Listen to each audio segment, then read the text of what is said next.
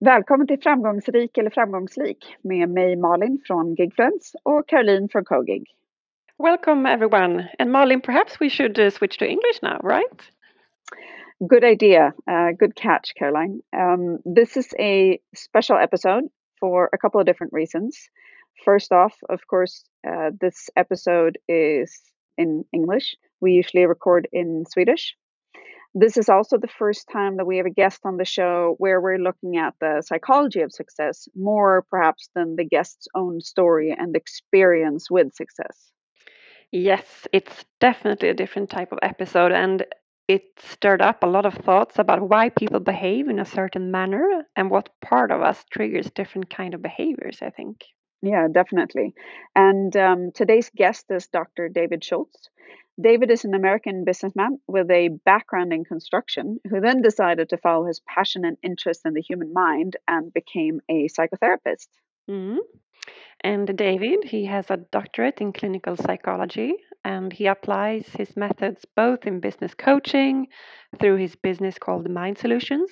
And he also uh, offers coaching sessions at his private practice in Stockholm called Anxious uh, or Blue. And uh, to give listeners a bit of background uh, to be able to follow the discussion in this episode a little bit better, you'll hear David talk about parts or players and family systems. David doesn't follow just one methodology. He rather steals from the best, as he puts it, to create methodologies and strategies that work for his patients and and uh, the people that he coaches on an individual basis. Mm though the recurring theme here is this concept of parts. And so you'll hear that uh, on and off throughout the discussion. Uh, and the concept is that all of us humans, we all have several parts or subpersonalities that have been formed based on our individual experiences. You might see that I'm very much like you or like another person, and I might have parts that are similar to your parts, but they're still individual to me and my background. Right. And my understanding was that these parts of us affect how we act, how we react, and think in different scenarios. And they also make up the part of us that helps us do things on autopilot while thinking of other things. So, for example, David uh, uses the example of being able to drive a car while thinking about something completely different. So, you still stop at a red light and indicate when turning a corner, but you didn't actively think about it. Right. And then there's parts of us that maybe hold us back from doing what we really want to do because we're scared. And so that part's trying to protect us from something we're scared of, or parts that make us angry or nervous in certain types of situations. Um, for example, I know that I have a part that hates being made fun of. I have a really clear memory from when I was a little girl of being made fun of and exactly how that felt. And so every time now that I'm made fun of as an adult, that exact same feeling pops up and I'm almost teleported back to that same event. So that's a part of me that was formed when I was really little and one that's really clear to me. And so the idea here is that if you work to understand your different parts and who they are and why they're there, this can help you become more balanced and happier. Mm, thanks for sharing, Malin. Well, one thing I found particularly interesting was his thoughts on what successful people are the most afraid of and why that is. Very, very interesting. yeah, I bet everybody wants to know what successful yeah. people are really scared of. um, and uh, and I also thought that his definition of success was quite different from our previous guests. Mm. Okay, let's get this episode started, right? So, we hope you will enjoy uh, this episode. And if you like it, please uh, leave a review on Apple Podcast and subscribe in whichever platform you're using to listen to this. So, all right, we start. Let's get going. Yeah.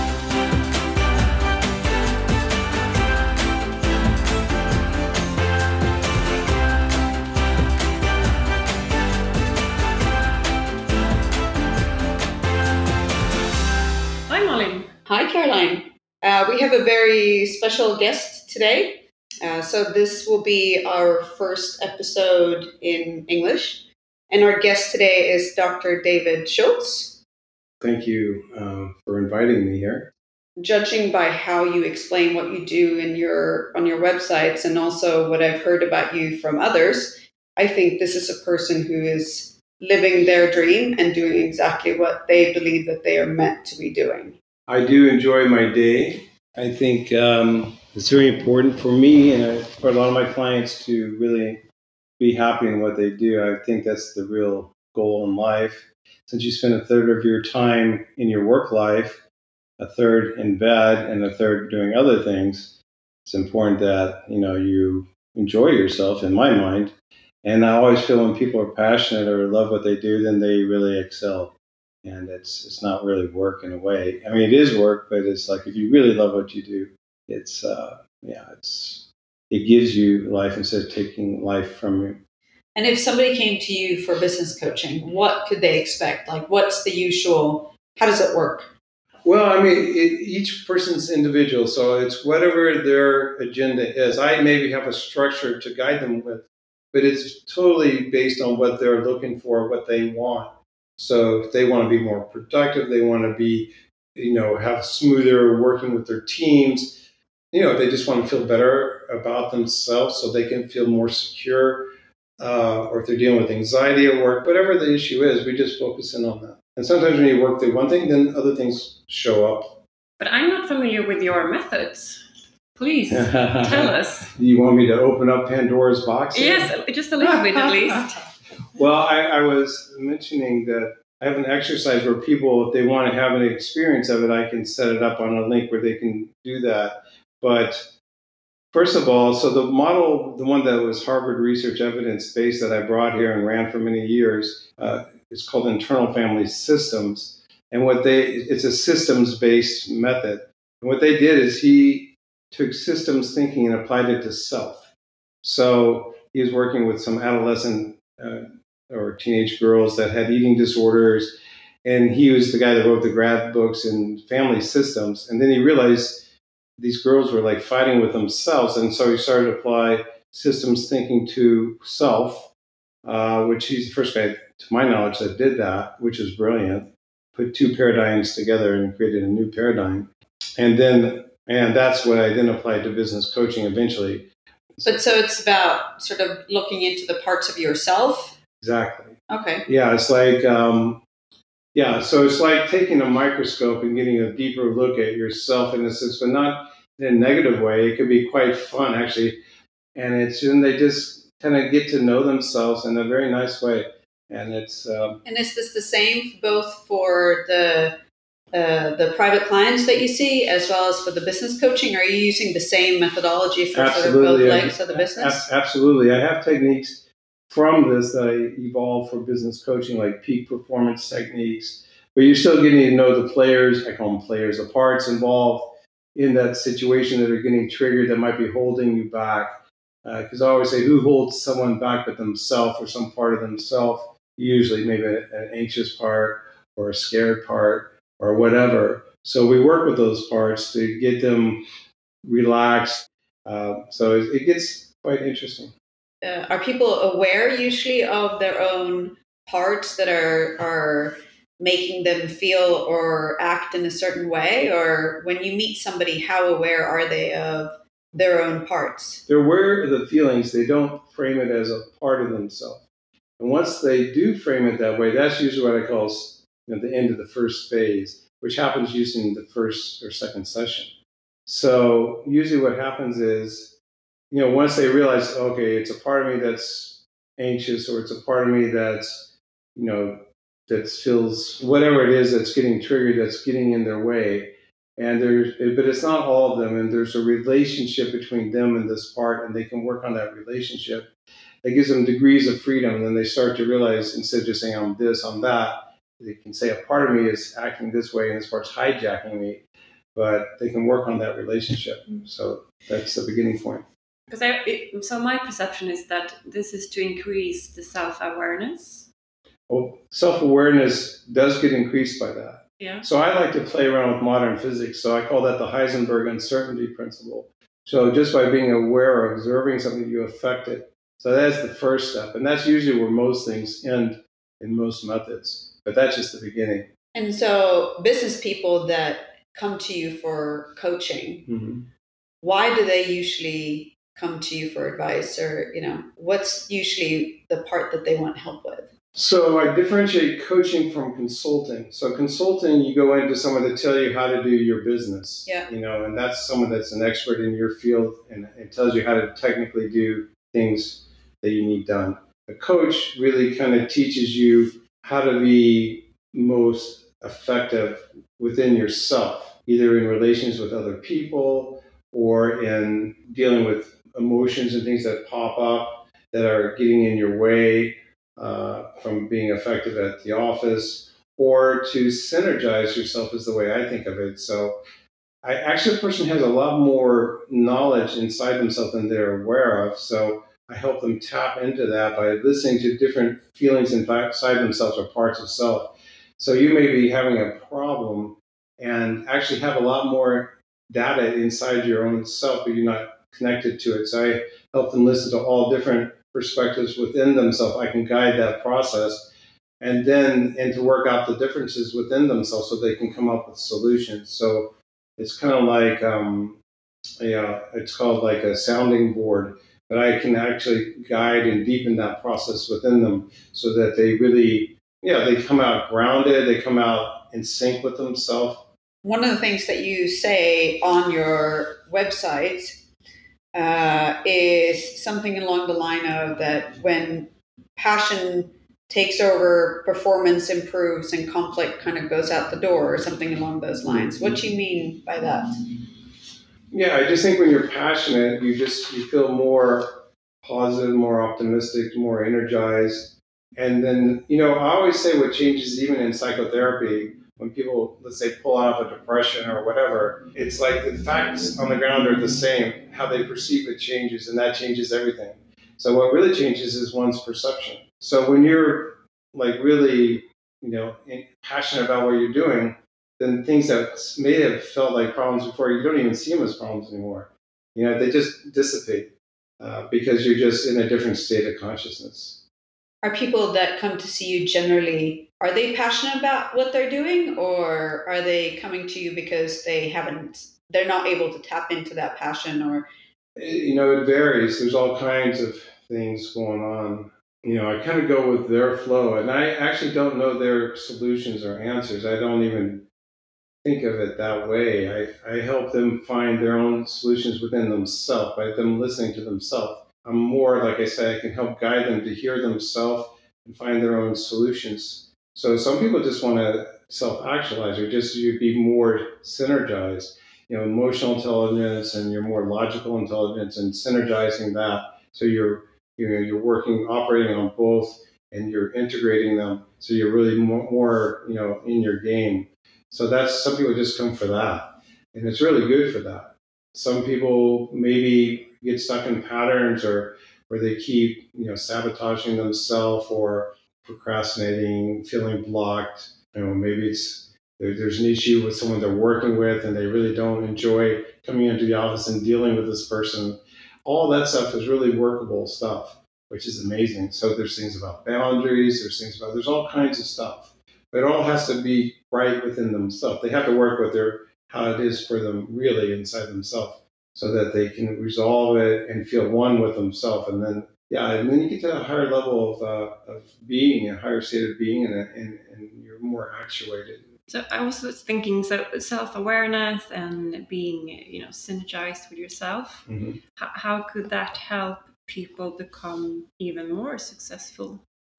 Well, like I say, you know, you and let's say people sometimes have a people pleasing part, and that part gets in the way of them putting the boundaries where they need to put them. So if you work with a part of you that's people pleasing, and usually that's protecting another part that wants to be liked or be, you know, validated, you know, so if you work through that kind of stuff, all of a sudden they are more in in the game appropriately and they're not being stepped on by people taking advantage of them or taking advantage of that part of them that can't put the boundaries where it needs to be. So it just they function more at a higher level, and they also feel better inside too. So it's it's kind of a win-win. It's not just it's not just functioning at a higher level. It's also enjoying yourself more because you're respecting yourself and you're you're being true to yourself. And people respect that when someone's respecting themselves, and other people respect them because they're putting their boundaries where they should, and, and not in a negative way. And then they're also able to say things without being, you know, instead of holding in a lot of animosity and frustration, then they can't sleep at night, they come in tired the next day. You know, this this changes that whole thing. So can you see can you see uh, a pattern between uh, happy and successful people? I mean, there are successful people that aren't happy, I would Yeah. say, and there are a lot of sociopaths that seem to make it to the top. Hate to say that, but that's the truth. So I can't say just about that, but I mean, if it were for me and I was wanting to, as far as we were aware, of, we only live one life. So it's like if you want to enjoy your life, you want to be able to be successful and happy.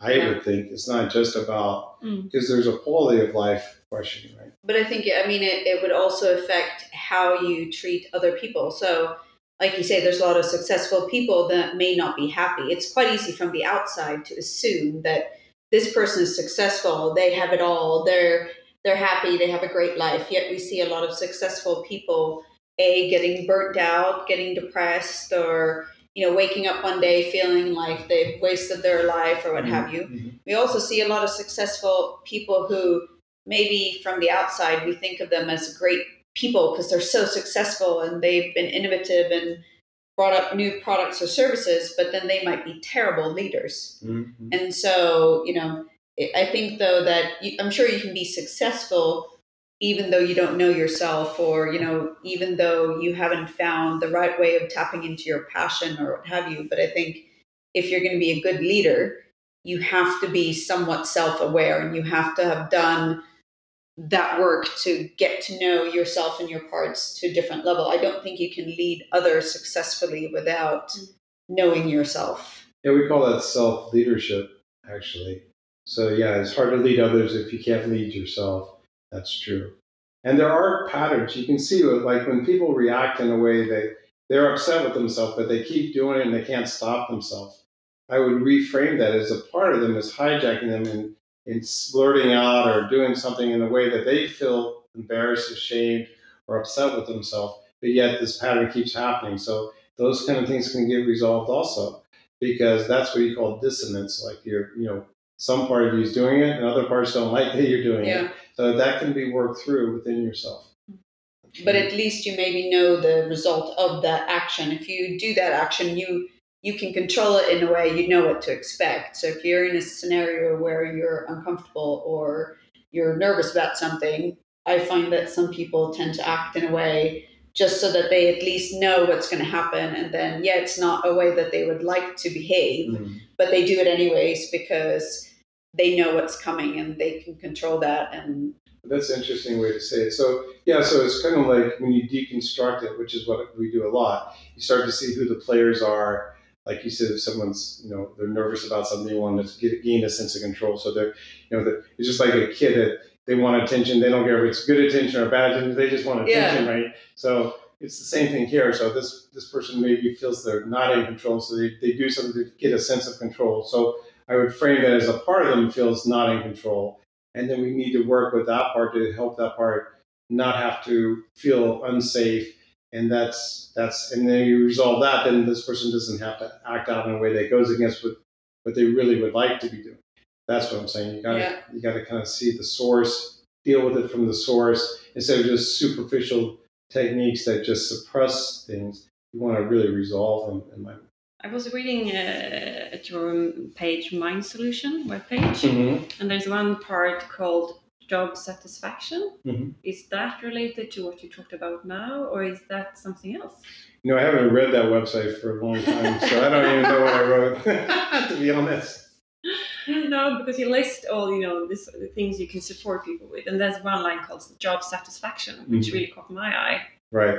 Well, I mean, that, I mean, I always feel like if you're one with yourself and you're being congruent to who you are, then you're going to be satisfied. I mean, if you're trying to suppress feelings or this and that, and you can't be your whole self. I mean, I know in some job situations, the environment is tough and you are dealing with people that aren't always perfect. And I see that a lot with clients that come in. They, you know, they got bosses that are driving them crazy or, or people, the colleagues that are driving them crazy or people under them that drive them crazy. And so, yeah, but you can you can improve that a lot where you're not suffering. You know, so I just think you have to be real and congruent with yourself, and so that to me is job satisfaction. And also, you know, if things aren't what you want, then you need to figure your way out of that. I mean, you need to have a plan so you see some sunlight at the end of that, or you're maybe in the wrong place. You know, so that happens too mm. with people working. I mean, I can't make that. They need to come to that realization within themselves. But just like depression, I mean, I don't look at depression as a negative. I look at it as saying something's wrong and you got to change something. You're trapped, you're stuck, something's not working. And so some part of you is actually waking you up and saying, wake up, you got to do something. I'm still a bit uh, stuck in the self awareness part you talked about mm-hmm. and being synergized with yourself and, and so on. And this podcast is called Successful or Die Trying, sort of. Mm-hmm. And do you think it's important if you're going to become success successful? You know, whether that means job or life or happiness or whatever. Mm-hmm. Is it important to have this self awareness and being synergized with yourself? Is that the key? No, that's just a stepping stone okay. in my mind. That's just the beginning of the process in my mind it's really listening to yourself and restructuring yourself. Like, like I said, I'm a systems based thinker. I look at self as a system with different parts of self. And a simply, simplistic way to think of it is you have protector parts and you have what I call vulnerable parts. And the protector parts are trying to protect you from feeling vulnerable. So they push out the vulnerable feelings, cut them off in different ways by distracting you uh, either proactively or, or reactively. And I won't get into all the depth of that. But the bottom line is before I work with any parts that are like feeling sad or scared or anxious, I'll work with parts worried about us working with those parts first, the protective parts. Because okay. they're the ones trying to protect you from those feelings. And that's why those feelings get cut off because, or you never deal with them because, you know, you don't want to go there. So first you gotta, you know, you gotta check in with the protective parts and work with their concerns and make sure they feel it's a safe process. So I keep stepping back until it feels safe. And then, but I do have a way to do it, which would go into a lot more depth of explanation as to how that works. But it always does, basically, unless someone just decides it's not for them. But if it is okay for them, there's always a way to actually work through it, in my mind, almost most things. I mean, I'd say 90% of things, but it's a process. And where do they come from, these parts? if, you, if I could answer that question, I'd be up, you know, in the high level, I'd be all omniscient and everything. But I would say, I think of them as sub beings of our being, but it's a really simple thing. I mean, I don't know, I guess Swedes don't drive as much as we do in America. But in America, if you've driven a lot, you drive around all the time, you realize sometimes your mind's thinking about something else, but you made all the right signals and you made all the right, you know, stops. You did everything right, but even though you were thinking the whole time about something else, and then I always said, well, who do you think was driving? Who was paying attention? Why you're thinking about other stuff? Yeah. So it's like we all are, you know. So driving people understand what I mean by that. Yeah. So we all we're all just made this way. When you every level of psychotherapy, when you get to the deepest levels of, so I can work with the deepest due to trauma stuff and and there everyone sees it the same way. They call it different things from cognitive behavioral, psychodynamic, psychoanalytic, existential, uh, family systems. But when you really when the excuse my language shit hits the fan, they all even though they have a different name for it, they, it's the same thing. Yeah. It's these subunits of self that we're all composed of that we often don't notice it because it's more fluid. But when you start to deconstruct it, you see it, and it's like I say, it could be just for fun. You just want to get to know your own self structure. So you see who the major players are at work, who's there, who's at home. Um, a lot of them are in both environments. And you just see their different roles, their job descriptions, how they came in. There's a developmental aspect to that. to like, you know, you have kid parts. I always refer to Einstein when he has his tongue sticking out with that, you know, with his white hair and beard. And I always say, how old do you think that part of him is? that's in the lead of him then yeah. so we all have these different age range of parts or you know there's some sort of gestalt to all that it's all happening at the same time and so these parts of yourself they're they're formed in different parts of your life essentially yeah they're, they, i mean there's different theories of how that happens you know they call them ego states in, in psychoanalytic psychodynamic in a sense they have ego they you can also call them subpersonalities and just every time you shift your mood or you know you can just think of like what part just stepped in you know, that has that kind of emotional state. young parts can be very excitable, kind of impulsive, and maybe you know, getting. I get in trouble with my little kid part because I get so excited sometimes, it hijacks me, and I have to be, you know, I have to work with that part because it's very, it takes over sometimes. I was wondering. I mean, you meet a lot of people, Mhm. a lot of different people, executives, leaders, you know, business people, not business people. What is really people's biggest fear, to be honest? I think a lot of people are wondering, you know, I think we You- you often all- assume that Yeah. others don't have fears. exactly, You but know. you, or you know that people have it, but it's like, what's yours? Because I have this, but no one has the same as mine. So what are really people's biggest fear? That's an interesting question. I mean, it quite varies. I mean, you're you talking from the business perspective or just in general? Business perspective. I mean, I mean, like for one, one thing that kind of surprised me when I started out was I was surprised at how many successful business people I worked with. A subset of them that have an imposter syndrome, you know, that they feel like they're really that they're going to be found out that they're a fake. I was really surprised by that. But and very successful people that are totally competent. It's just a, um, a part of them that feels insecure, doesn't feel they deserve it, so forth. So Why I mean- is that? Why do why do people why is that a fear that people have? So that's an interesting question. So there, in the way I work, is also kind of deep doo doo in the sense like you can do techniques like float back techniques, which actually comes from hypnosis. I don't use hypnosis because I want someone there present talking to me, but you know, you have what's called emotional intelligence, you have your norm- neurological intelligence. So sometimes things can be emotion based that aren't logical always. Just like you can have a fear of flying and know statistically it's more dangerous to be on the highway driving, you know, for death rate or whatever per capita, but still have a fear of flying because it's not always about logic. Is there's an, and that's really strong in our way of thinking and and being. That's in fact the way I work. We're in this more emotional state of consciousness, which still we have analytical parts that are there, logical parts hang out there. It's quite amazing actually.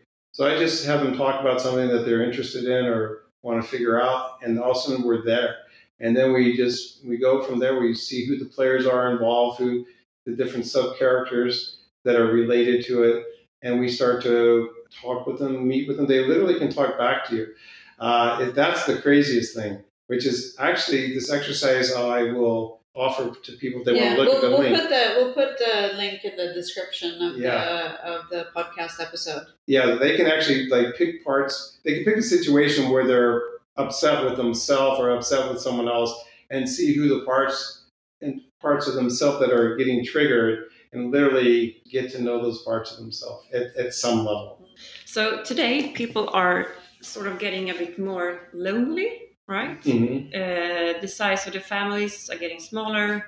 You work from home. You, Yeah, you know, say COVID has definitely, I think, increased yeah. the, yeah increased the level of lonely, loneliness. Mm. So I'm wondering how is that affecting people's you know self view and you know the fear you talked about. Well, yeah, loneliness, alienation. What I find is, ironically, this is actually quite surprising to me, but I, I you know people that have, let's say, social anxiety that have a hard time with other people, they feel kind of anxious. You would think they would be having a great time working from home or not, but actually, I see them more alienated than most people because that was their forced way to interact with people, and they, some parts of them actually like it. So just like in the Meyer Briggs, um, just like in that test, they talk about, you know, you're an extrovert, you're an introvert. But when you work at this level, but when you really work at this level, it's so much more individualistic, and and you can have some parts that are extrovert and some that are introvert. You know, so if you feel close to someone, then you could be quite extroverted, and if you don't feel close to people, you could be quite introverted. So it's you know, it, every person's unique each part, even if it's in the same category, let's say you've got a people pleaser part, for example, like I said before, it doesn't mean that one person's is the same as another person's. Everyone's is really shaped by your own experiences. So they're quite varied. And so, yeah, it's quite fascinating, all this stuff. What do you think about pop psychology, or you know, there's all of these self help books, or famous people, or people who are famous for one reason or another that Mm. You know based on their own experiences they come up with theories on on how to be a better you or Mm. or even things like the the whole red blue green yellow part of you like what's your take on on that kind of sort of popular psychology? Oh, my, you know, again, here comes my Joker part. But like, you know, have you heard of Dr. Phil? Yes. Yeah. So I just, I, I only watched it once or twice. And I just, one time he said something like, well, just stop doing it. And I thought that was so funny, man. It's like, sure, they would stop if they could, you know. So telling someone just to stop it is like, oh, thanks, Dr. Phil. I wish I thought of that. You know, that, that just, or this other line that I heard in the one or two times I ever watched the show was, haven't you read my book? You should read my book, you know, then you'll know what to do. You know, that's, that's all silly stuff to me. So, but there are a lot of good ideas out there. I think someone just has to feel, they have to feel safe and they have to feel comfortable where they allow themselves to go there. And there's a process for that too, so that they can feel safe. So that's very important. So essentially, it's not so important what that specific methodology is based on, but rather does it make you feel safe and and no, can you get to where I'm not saying that. I do feel the method's important, but also you have to feel comfortable, you know, to allow the process to happen. And it has to, and, and, and someone that knows what they're doing can help you, knows how to guide that process. Do you still discover new parts of yourself? Hmm, that's an interesting question. Well, I've mapped out myself pretty in detail, to be honest. It's usually when I'm in a situation where I'm getting triggered in a way that feels not the way I want it to be. And then I will start to think of like what's going on, who's involved. And then I might come up with some new players but in general, I don't do that. Just like when I meet people and they think, well, he's a therapist or he's a coach, he's analyzing me. I don't do that. I don't even think like that. You know, it's like, it's just not how I think. If I'm zoned in on it, then I do it, but I don't like just do it all the time. Why do you think people have that kind of like preconceived idea of about going to a psychologist, but if you say you're doing business coaching, mm-hmm. then that's acceptable? Why do you think that is? Because I think people can be insecure with themselves and they they're trying to stay hidden and they're afraid that you're going to, you know, that the emperor has no clothes kind of thing. Because I, it's so interesting actually. Because when I work with, let's say, even when people are upset with themselves, just like in family systems, there's uh, there's the black sheep of the family that everyone's upset with. Well, family systems thinkers never look at that black sheep as the as a problematic person. We actually see them as the sensitive one that's reacting to all the family structure problems, and they're the ones acting out because they just can't take it, and they just you know they're too sensitive to you know just deal with it. So we don't look at them as the bad guy. We look at them as the actually the lightning rod that you know that everything's getting drawn to, and everyone blames them for everything. So I think the same way with with one's self system. So the parts of us that we're most ashamed of or more most upset with you know, I don't see them as negative parts, just like I don't look at depression as being a negative thing. It's just saying something's wrong. And usually when you can free that energy up in that person that where they're fighting with themselves and heal that whole the relationships between other parts, it's usually other parts of them judging that part in a negative way, like it's weak, it's not strong. But you, when you start to heal that process, you know, they gain so much more energy in their whole structure and there's so much more positivity and so much more kind of like enlightenment. I mean the whole dynamics changes. So we get shaped into these structures or systems that aren't always functional and part of this process is to change that. You can't just do it uh, on yourself i don't think. That's one of my big differences with self-help books you need someone outside to kind of that has an ear that knows. I can hear just the intonation of a voice shift a shift of a part, you know just that slight. Or know that you know separate apart from apart and things start to, there's a lot to it but it's uh it's quite nuanced at the same time. But i guess once you sort of if you do get to know your own parts it would be easier to do the the reflection and the sort of exactly. the self-help. That's right. So it starts here and then they once they then we, you know, then they can, then they know who's there just by how they feel.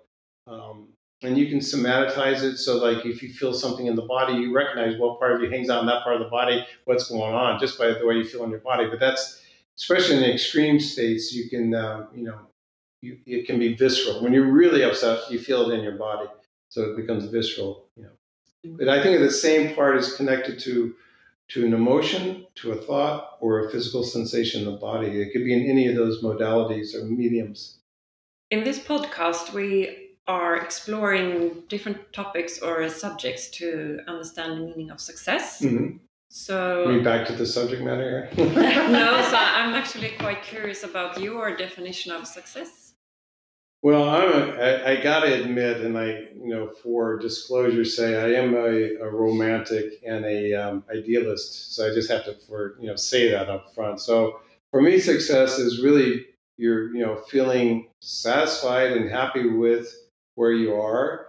It's not like you're going to always be happy, and it's not like there aren't bumps in the road. But overall, you feel like you're where you want to be. And I also know not everyone can be in a job that allows them for that. I mean, if I was turning a screw all day on the assembly line, I don't think I'd be very happy, but there are people that got to do that. So, but again, for myself or for people I work with, I think it's good for them to, if they're not in that structure, to help them create that structure. I remember working with an executive once where, you know, he, you know, they were just doing fantastic. His company was growing like the last three or four or five years. He ran Europe or whatever, and they were and he was you know running the company, and they were so successful, and his numbers were up, and the profits were up way way way through the roof. But he wasn't happy, and it was like. So we we did this meeting of his parts on the subject, and, and he picked like a room, a conference room, to have the meeting, and the parts showed up. And also, one part was outside the window, and at first, you know, the funny thing is the metaphor comes before, but the metaphor may come before you even know what it means. So, and after so a while, meeting like you. You, uh, him with his parts. We're you having went, a meeting. You like went into a conference room and you're like, okay, all in his parts mind. of you, you're not, in his mind. Okay, yeah. so he created a, a conference room. room. in his mind, and yeah. then like all the different parts of him asked them to like, hey, you join this meeting to figure out why he was unhappy. And one part showed up outside the meeting room, outside the window, and was, we, at first we didn't understand what was going on, and then when we interviewed that part of him, what what the problem was was that this guy used to be out in the field a lot more, but now as he moved up and became the head guy, he was stuck in the office a lot more, and some sometimes was really not happy feeling being stuck in the office all day. And he used to love getting out and around. And then he realized he's the head guy; he can do whatever he wants. So he decided he was going to go out and visit places more often again. That was the, his solution. But at first, he didn't even know what it was about. But so I guess in terms of success, then, and you know, you can be successful money wise, but if you're not happy there, then that's not you're not really successful. Well, that's my romantic part. Mm-hmm. So, in terms of this this definition, then, what is your advice to to become successful? I mean, to really listen to yourself and find out what it is that turns you on, that makes you feel good inside. Mm-hmm. You know, I mean, you can't have everything you want, but you can at least you can maybe improve that and there's ways also, there's things that maybe are problematic that don't have to be problematic. Like I say, relationships with certain people that just trigger you, you know, and there's ways to work through that stuff and or a lot of other things. So you need to kind of root out things, but not superficially, not by suppressing it by breathing techniques or other superficial things, but really by dealing with what's going on inside you. What would you, what what's your advice for if you're by perception, I guess, successful person, but you're not quite happy or you know you're not quite content in the role that you have. What would be your recommendation for or your advice to to that kind of a person? Well first you got to understand why you're not feeling happy. So the first thing is to work with the parts that aren't happy find out what's going on what they're upset about. You know you, that's the consciousness thing. You got to become aware of what the dynamics are you know, and then you work with, you know, some parts think you need to do that. So you got to check what their concerns are and what, what their agenda is and what they think is important. So there's, I don't think in right and wrong, I think in balance and harmony. So it's not like any, I always, my Joker part likes to say, opinions are like assholes, we all got them, right? So same with our parts. Each part, since they have an ego, they all have their own opinion, like what the solution is, and they all have their own ideas of what's the best solution. So it's not like one is right, one is wrong. They all have their own little truth to them. So the idea is to get them to work out their differences to find a consensus where they all can sign off and everyone feels satisfied with the solution. And then you're more in sync with yourself. There's more of a synergy. And as they listen to each other's perspectives, you know, this dissonance between them starts to lessen because they still may not agree with the other one, but they start to appreciate where that other one's coming from and why it says what it says, and that softens them to that perspective. So there might be just like the Venn diagram, and the more they hear each other, the wider their own perspective is, and eventually there may be overlap where they can pick a solution that they both agree with that fits within their realm of possibilities, and then and then they're both satisfied. And that can happen with three parts or five parts. So that's kind of how I think. To solve the conflict between the parts. Yeah, so whatever the issue is that's making them unhappy, or whatever it is, or or let's say where they're blocking themselves, or they're procrastinating, or whatever their issue is that they feel they're not, you know, as they're not at their full potential. We are very happy to have you as a guest, and we always ask uh, our guests if they have a person that they would like to listen to in our podcast. Do you have anyone in mind?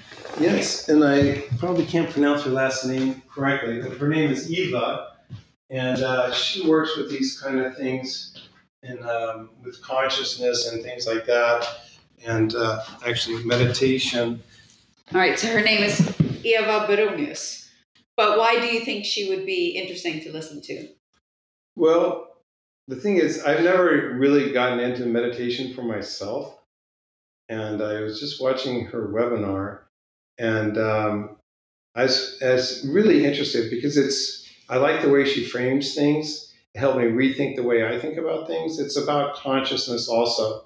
And it's about, you know, kind of building that muscle in your mind of attention and how you do this in a way to, you know, to kind of soothe yourself, work through things, be aware of things. So it's it's a lot of those things like I do from a different angle. I have one final question. In your work today, a lot of times your focus is on your client and who they are and why they think the way they do or what have you. How does it feel to be the focus of this meeting? That we're trying to, to figure out who you are and, and share your story. yeah, it reminds me of an old TV show in the US from the 60s called This Is Your Life. I don't know if you heard of that. Yes. Yeah. yeah that's what it feels like. Um, not that I'm being celebrated or anything, but um, I don't know. To be honest, down deep, I'm not really. everyone, when I work with people, they think I'm an extrovert and I'm very social, but honestly, I'm kind of a shy person. So it feels a little bit uncomfortable to be yeah. interviewed, to be honest. But uh, you know, when I'm working with clients, I don't feel that way. But yeah, in this situation where things are kind of turned, it's uh, yeah. But it, but I think that's uh, we the reason part of the reason why we're doing this podcast also is to challenge ourselves because. Mm-hmm it you know it's something i think neither of us ever thought we would be doing. And when you're having a conversation with somebody whether it's now there's three of us in the room or if it's just me and caroline recording an episode you're speaking and sharing parts of yourself that normally you would never share with anybody else. And all of a sudden it's out there for everybody else to judge mm. and to have thoughts about. And so for me this is this is part of challenging myself and i think usually that's when i'm slightly uncomfortable mm. is usually when i grow the most. And so it's a bit uncomfortable mm. but then when you look back at it you've learned more about yourself and you've uh, gotten to know yourself better so.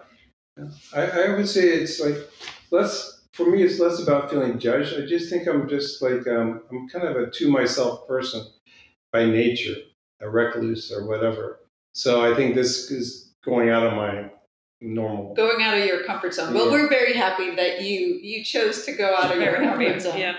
So um, thank, thank you, you, so much, and uh, yeah, we'll put all the contact info uh, for you uh, in the uh, the description of the podcast. So if you're interested to hear more or get in touch with David, then just uh, go to the episode uh, description and click on the links and we'll put all the info up there. And I and we should add also you you do meetings in person, but you also do a lot of online meetings. Mm-hmm. So by just either just phone or Skype or Zoom or what have exactly. you.